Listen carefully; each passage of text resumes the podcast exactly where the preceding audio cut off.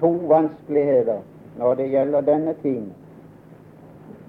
Og det første er at her er ganske nye personer til stede som aldri har fulgt med i det vi har vært inne på før.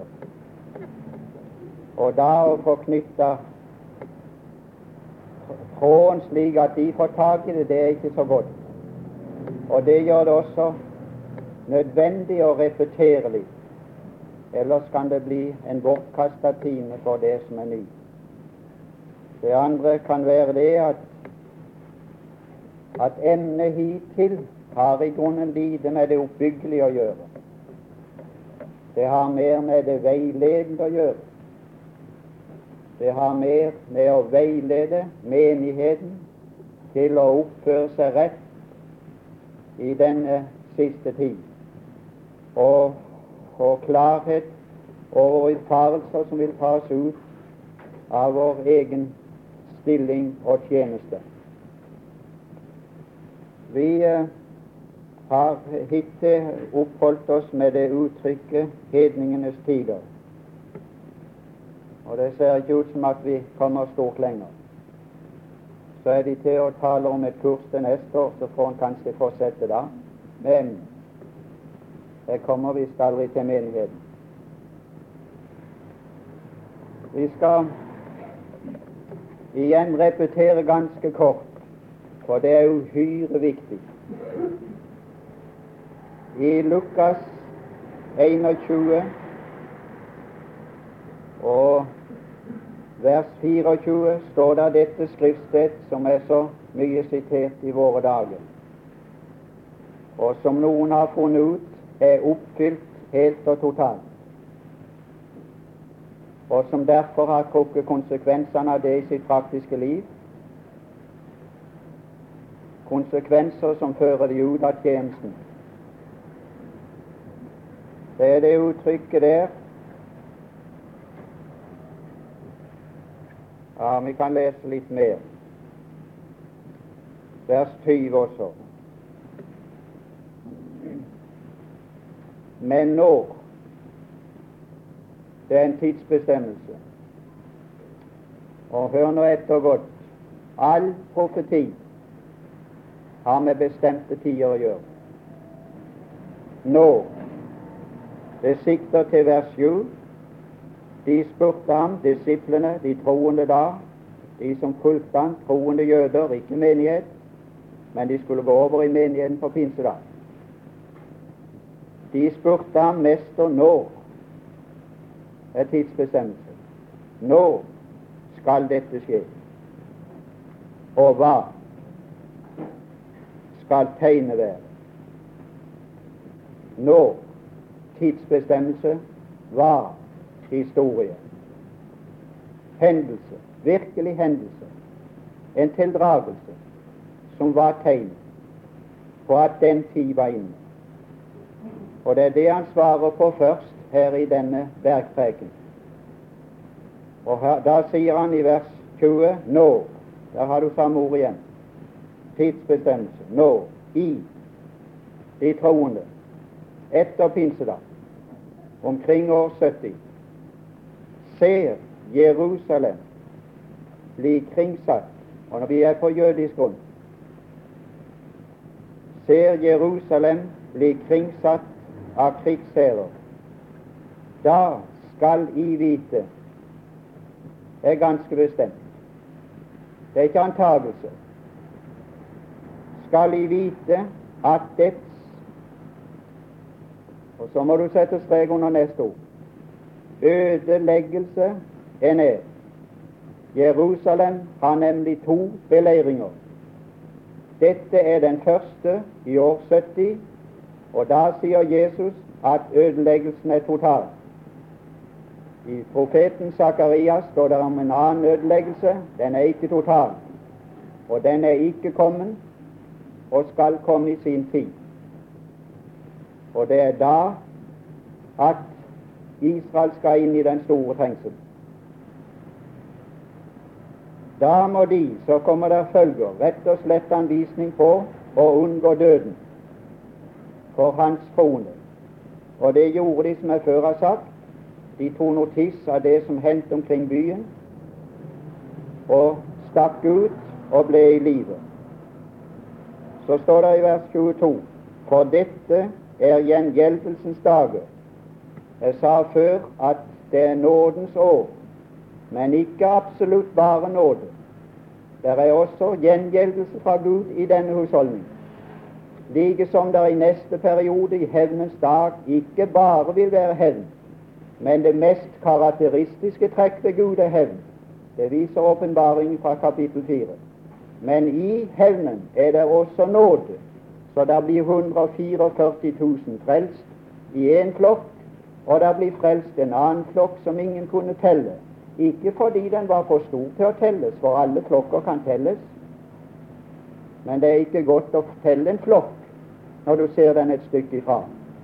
Og hvis vi skal gå til Esaias 24 og sammenligne den flokk som der ses alene, med den flokk som ble borte, så er det en forsvinnende liten flokk. Da sier Skriften at hvis vi skal sammenligne alle som går inn i trengselen, og de få som kommer ut frelst, så blir det kun få mennesker tilbake. Det er det som verden har i vente. Det er det hedningfolkene har i vente. Det er dagens situasjon for hedningfolkene. Men når det står i åpenbaringen ingen kunne telle så var det fordi at Johannes sto og så på den flokken alene. Og da så den stor ut. Men i forhold til de som levde da perioden begynte, så sier Skriften det var kun få mennesker tilbake. Og av Israel blir det kun få tilbake. Og det må det bli når det skal være en trengsel som ikke før har vært, og ikke siden skal bli. Da må den bli atskillig verre enn den som hendte under krigen nå. Men han sier videre her at det skal bli oppfylt som er skrevet. Ja, altså må du alltid først gå til Skriften. Jeg vil gi dere den advarsel her. Pass dere for å lese for mye historie. Pass dere for å bli for mye opptatt med nyhetene i radio og televisjon og bøker som gis ut om historie. Det er ikke det første. Det første er det som er skrevet. Og hvis du ikke får tak i linjene i det som er skrevet, så tyder du historien gal, som folk gjør i fleng i våre dager. Derfor må du først ta tak i profetien. Du må ha tak i linjene, og så kan du plassere hendelser. Og så blir du ikke så lett til å plassere hendelser heller. Men han går videre og sier at stor nød skal være på jorden og vrede over dette folk. Det er jødefolket. Og de skal falle, det er jødefolket. For sverdets egg, det er uttrykk for dom, og dom til døden. Sverd i øvrighetens tjeneste står for dødsdom. Og føres fangne til alle folkeslag dette er den andre bortførelse fra landet som vi har vært inne på. Vi er inne på den første nå når vi skal gå til Daniel. Her er den andre. Og da kan jeg si meg sammen og trekke konsekvensen at hvis, hvis dette som er skjedd med Israel, er gjenkomst, kan ingen hive dem på sjøen. Men hvis det ikke er det, så kan de hives på sjøen. Det vil tida vise. Hvis det er oppfyllelse av profeti, så kan ingen drive de tilbake. Men jeg er ikke så sikker på det. Det er iallfall ikke oppfyllelse, men det kan være forberedelse. For oppfyllelsen den skal foregå direkte fra himmelen, ikke ved FNs hjelp eller noe slikt. Oppfyllelsen skal bare forekomme når, når, når folkene er blitt frelst, så de bringer de tilbake med glede som takker for til Herren. Det skjer ikke nå. De skal falle for svært egg, de skal føres fangne til alle folkeslag, og Jerusalem skal ligge nedtrådt av hedninger inntil denne tid er begrensa, akkurat som babyloniske fangenskap var begrensa til 70 år så er denne også begrensa. Og den er begrensa til at det tar slutt med hedningenes tider. Og det vet vi hvordan skal skje. Det skal vi lese i Daniel 2. Det er gitt i Skriften. Altså både begynnelsen og enden på den periode er gitt i Skriften. Nå må jeg repetere litt uten at jeg kan lese mer. I formiddag så vi at etter Guds idé og plan med jødefolket og hedningefolkene er det bare ett av to forhold som dominerer. Enten er jødefolket over og hedningefolkene under, eller også er hedningefolkene over og jødefolket under. Det er Guds to ideale forhold. Det første skjer hvis de er lydige som folk mot Gud, og i kraft av sin lydighet besitter en åndelig kvalitet som gjør de skikka for å være hode og styre i denne verden. Og hvis ikke de var det, så sier Skriften at de skal gjøres, settes under hedningefolkene, og de skal ta styr politisk i denne verden. Og det siste er det som er faktisk skjedd. Og vi skal gå tilbake til Daniel kapittel 2.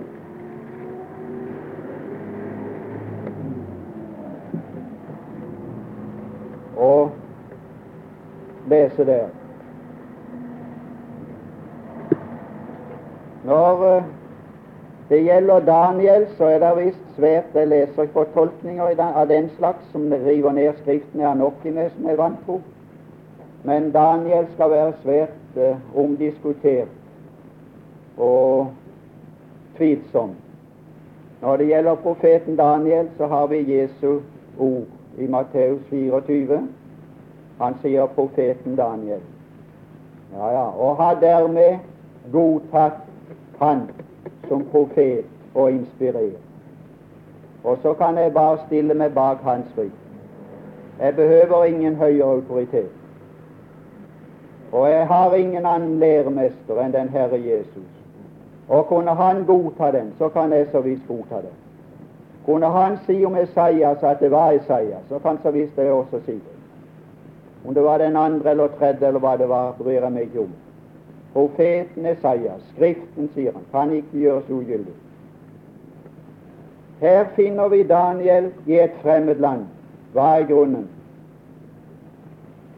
Vi leser vers 1 om igjen. I Judas konge Joakims tredje regjeringsår dro Nebukadneser, kongen i Babel, til Jerusalem og kringsatte det.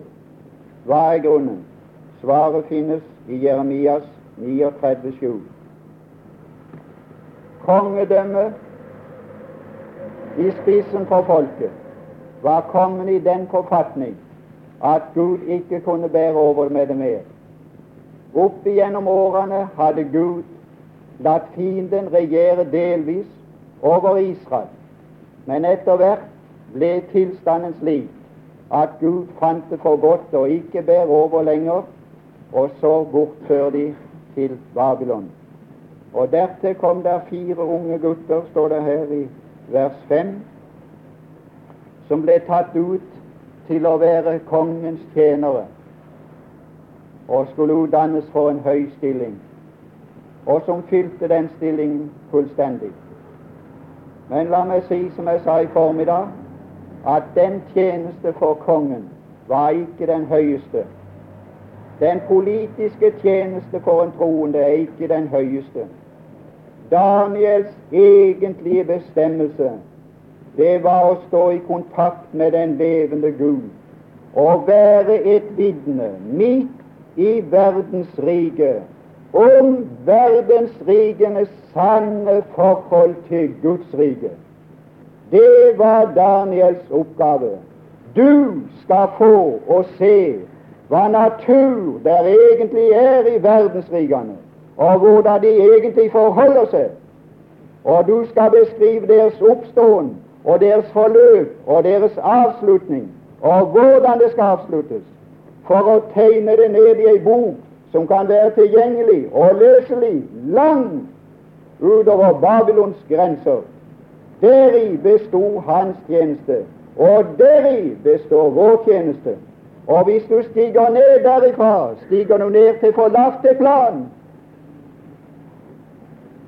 De, de siterer etter Hudson Taylor at sønnen Felix han slutta å være misjonær i Kina og gikk over til å bli ambassadør for England. De fikk en fin og innflytelsesrik mann til å være ambassadør. Da fortelles det om Hudson Taylor at han gråt og sa sukka til Gud og sa Å, Felix, du har steget ned fra å være ambassadør for himmelen til å bli ambassadør for England. Pass deg sjel at du ikke stiger ned fra ditt høye kall og være lem, være munn, være hender for den Herre Jesus, som fra nådens trone trekker ut en her og der til å bli frelst. Det er alt hans oppgave i denne verden i nåde. Samtidig har han et arbeid for med jødefolk i tok, og med hedningefolkene i tok, men ikke til frelse. Det politiske plan i profetien er ikke til frelse, er bare til tukt. Og vi er utenom det. Vi er inne i det åndelige plan, i det åndelige arbeid, som består i å frelse noen. Kan du få tak i den sannheten? Og kan du se den fryktelige villfarelse som eksisterer i våre dager? At vi skal begi oss inn på det politiske for å hjelpe jødene, så de siden kan omvende seg til Kristus. Det går aldri den veien. Aldri i evighet. De kommer aldri til godhet. De har fått godhet. De har prøvd med godhet. Da Jesus gikk omkring de tre og et halvt år, da prøvde han de med godhet. Det har aldri eksistert tre og et halvt år i denne verden som det har vært magen til i historien. Da Guds sønn gikk imellom folket og helbredte all sykdom og all skrøpelighet. Du store tid. Og metta tusener. Ingenting tok for det. Og lærte dag og natt, sleit seg ut for det. Sendte tjenerne ut til å stelle seg likedan. Og endte det. Vi vil ikke ha han til konge. Vi vil ikke ha han til konge over oss. Han er for nedgående. Han går inn i hjerteromsteder. Vi vil ikke ha sånn en konge. Og så kasta de han ut av vingården. Og så gjorde de ikke bare det, men de holdt på å kaste. Etter han var reist, så kasta de Stefanus etter han, og sa han kunne hilse på den andre siden at de fremdeles var innstilt imot ham. Og så har de holdt på å kaste stein like til denne dag. Og sagt til den døde at møter du nasareeren, så sten han fram hit. Det har de holdt på med. Det er forherdelse. Total forherdelse. Det er forherdelse. En forherdelse som er så gruelig at ingen av oss kan sette oss inn i den. Nei, venner, vårt, vår, vår plan den er åndelig. Vår våpen er ikke kjødelige, men åndelige. Og vi er utsatt og utsendt til å være en reddende hånd for de som er ufrelst, jøder eller hedninger. Men Daniel var satt inn her for å være en tilskuer og en beskriver av rigenes sanne vesen og karakter, oppståen og forløp, avslutning, og har skrevet det ned i ei bok som er tilgjengelig for oss i dag, og som vi kan se er oppfylt i historien nokså langt. Vi skal lese her. Den vei Gud arbeidet her, var å gi eh, kong Nebukaneser en drøm som han igjen tok fra ham i bevisstheten, for på den måten å vise at dette som nå kom, lå over det menneskelige plan. Han kalte til seg sine vismenn, som ingen kunne gjøre noe med denne drømmen eller finne den eller finne forklaring. Og så kommer Daniel inn i bildet. Og så har han ei bønnestund sammen med sine tre venner. Dere har vel bønnestunder i sammen, dere unge? Mm. Eller steller dere det slik at det vil være en hellig brød å tale med i bønnestunden? Ja, det har jeg hørt. de har sagt. Det vil være en hellig brød å nevne i bønnestunden etter dette. Nei, venn,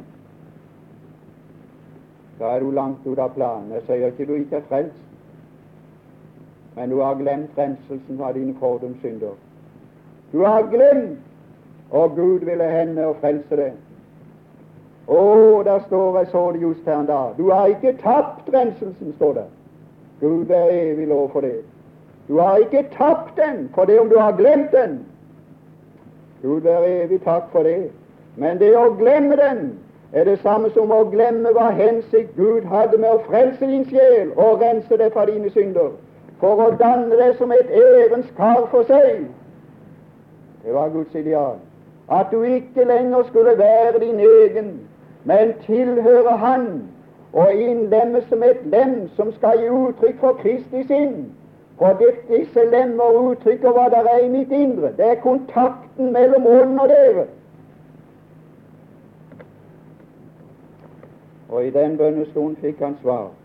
Og så ble det lovprisning. Ja, da blir vel det på slutten av samværet.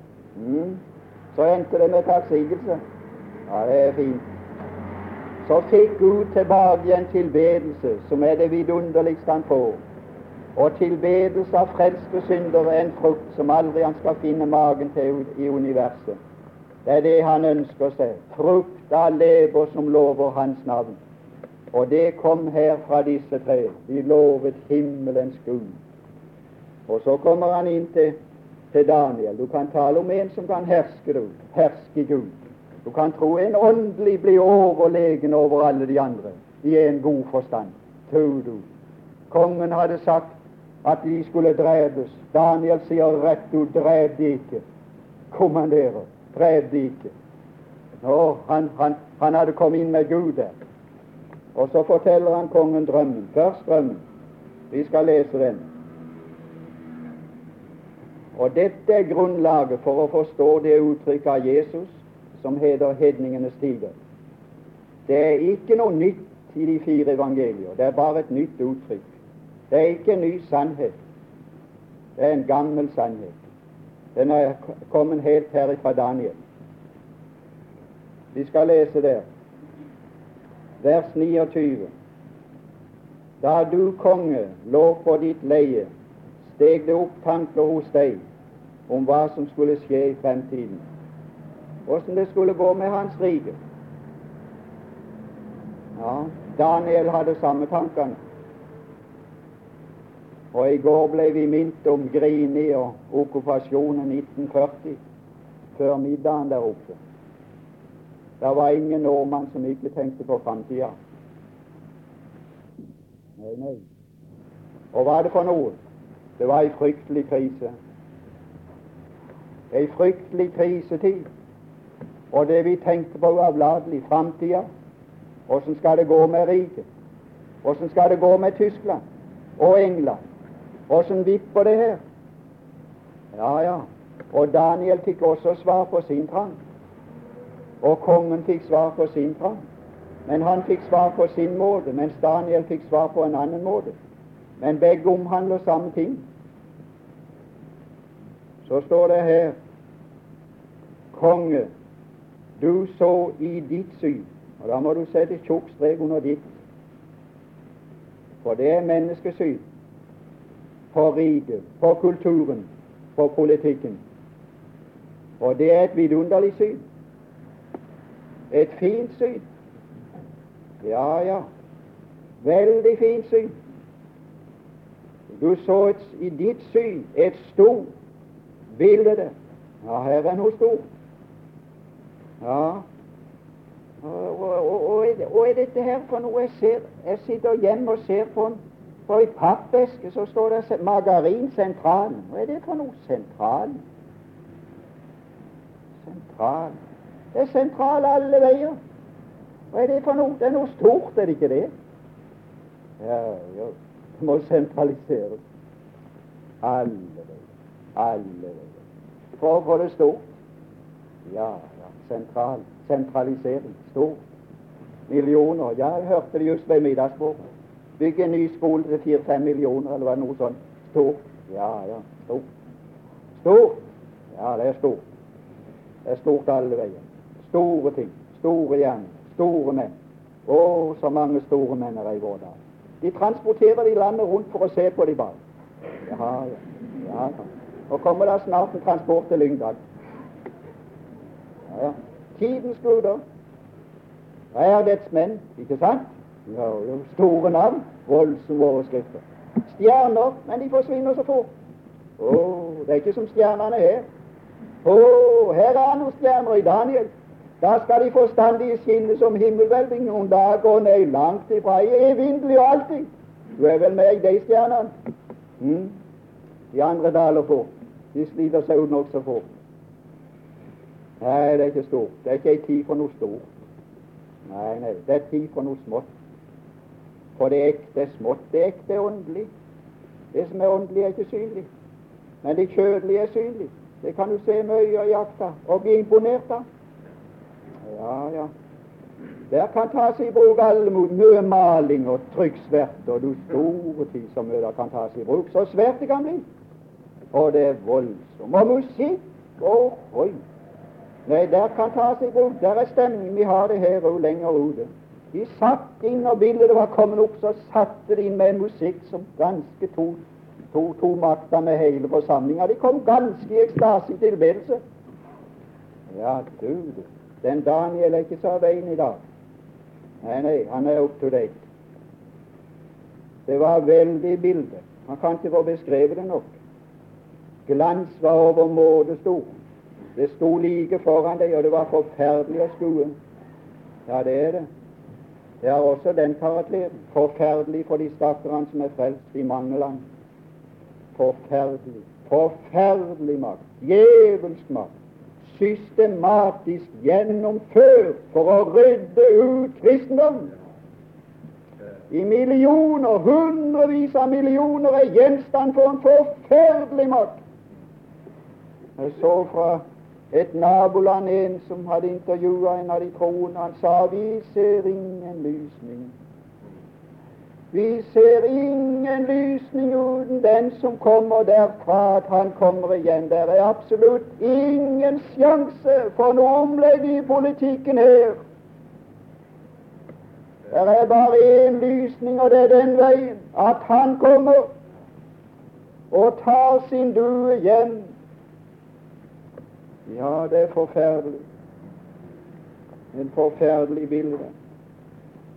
Bildets hode var fint gull. Så begynner det å dele seg. Der var en enhet. Brystet åk, det er pluss.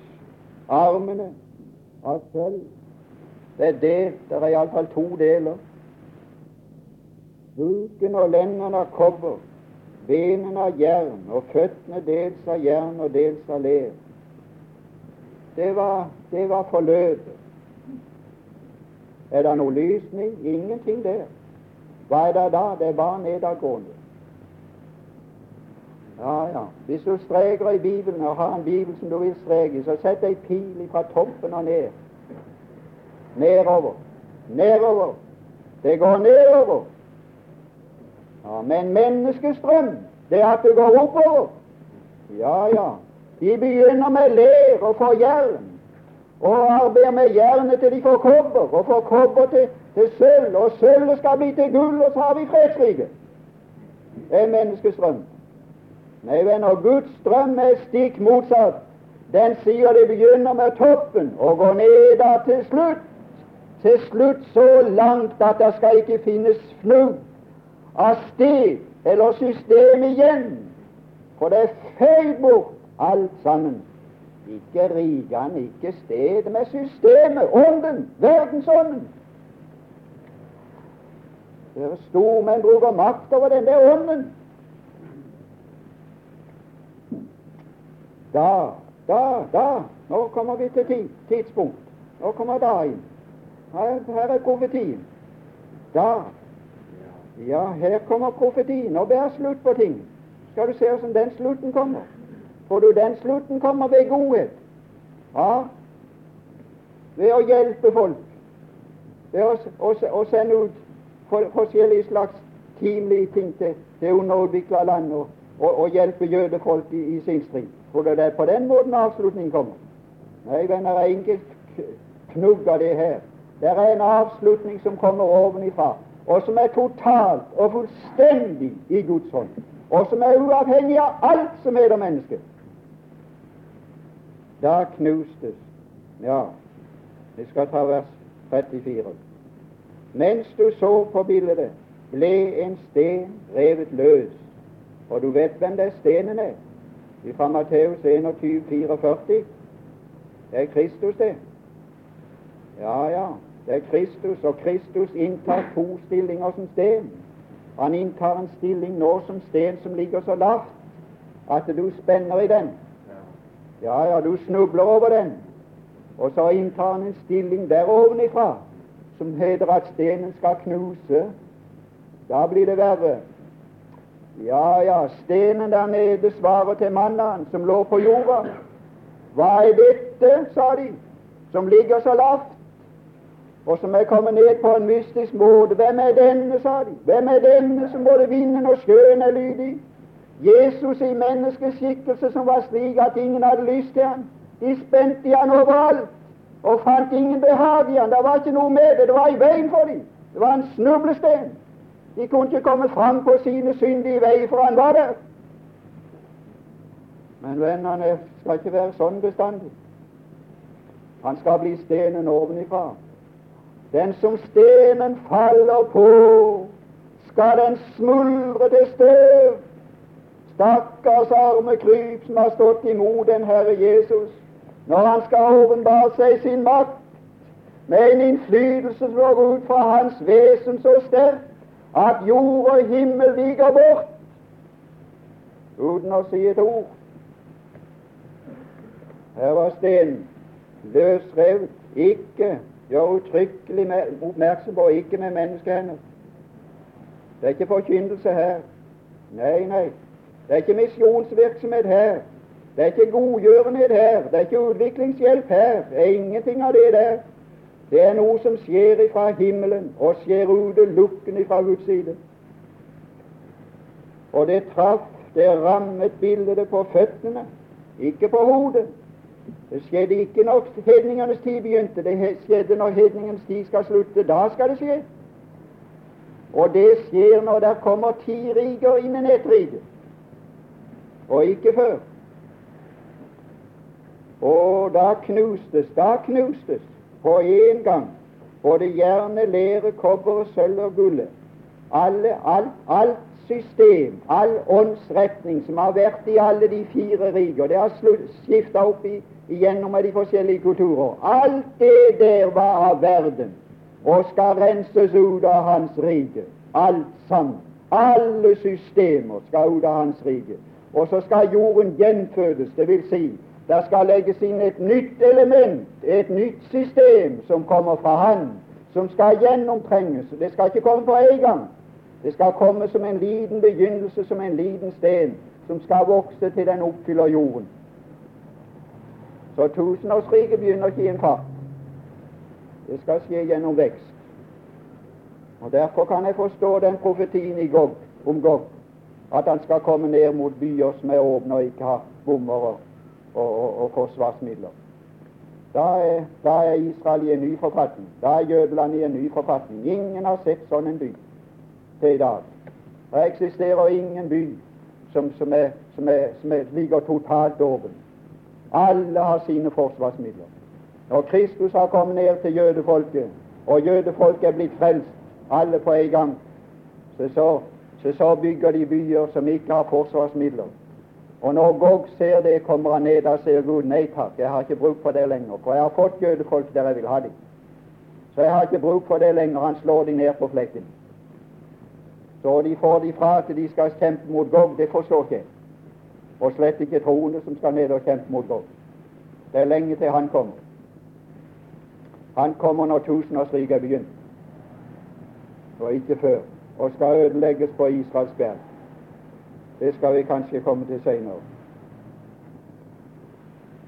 Det var som ravner for treskeplass om sommeren.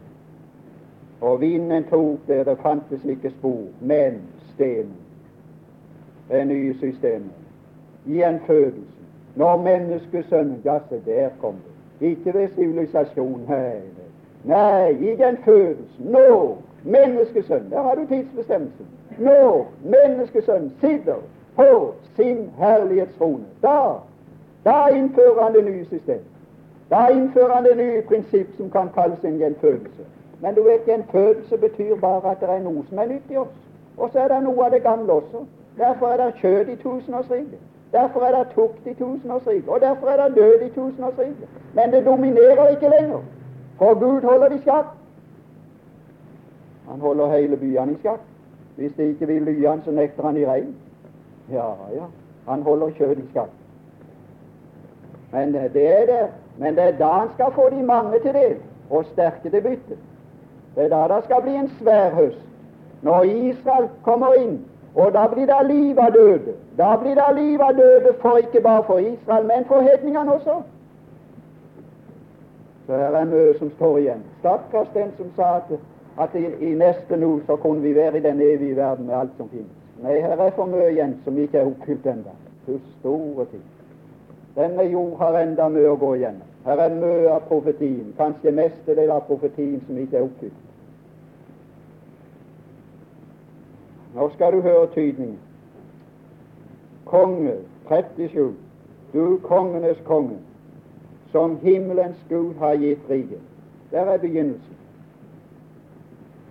Når, eh, når Israel kom tilbake fra det babyloniske fangenskap, hør nå, så bygde de opp Jerusalems mur og by. Tempelet fikk land igjen, men enda var de under hedninger.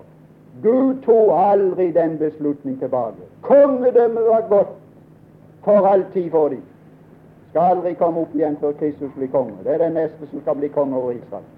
Det var tapt. Og makten på den måten skulle aldri komme tilbake til Israel. De skulle aldri bli hodet. De er i 1948 gjort likestilt. Det er ikke hodet. De dominerer ikke. De er ute av Guds plan.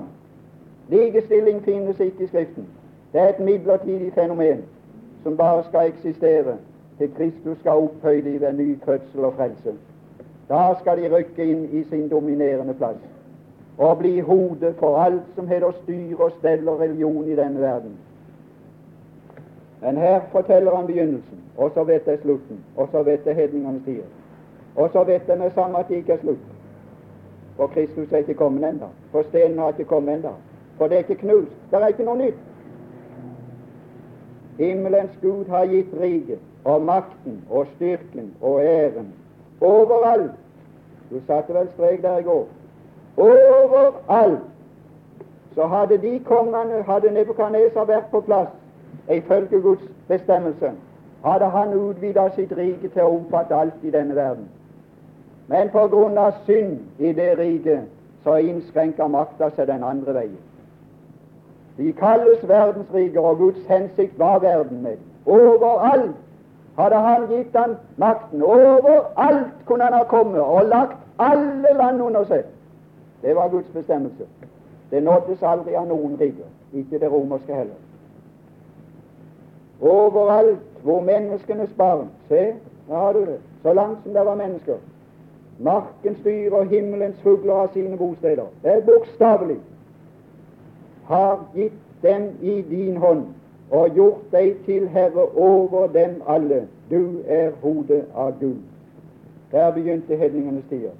Og slutten vet vi er når Kristus kommer andre gangen tilbake for å opprette sitt fredsrike. Og med samme kan vi si at hedningenes tider tok ikke slutt med Jerusalems befrielse i juni i 67.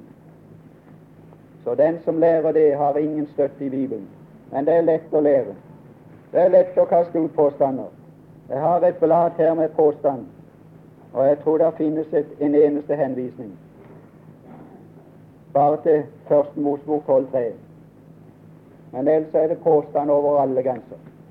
Med samme det kommer slik, så faller det til jorda for meg. Det har ingen betydning.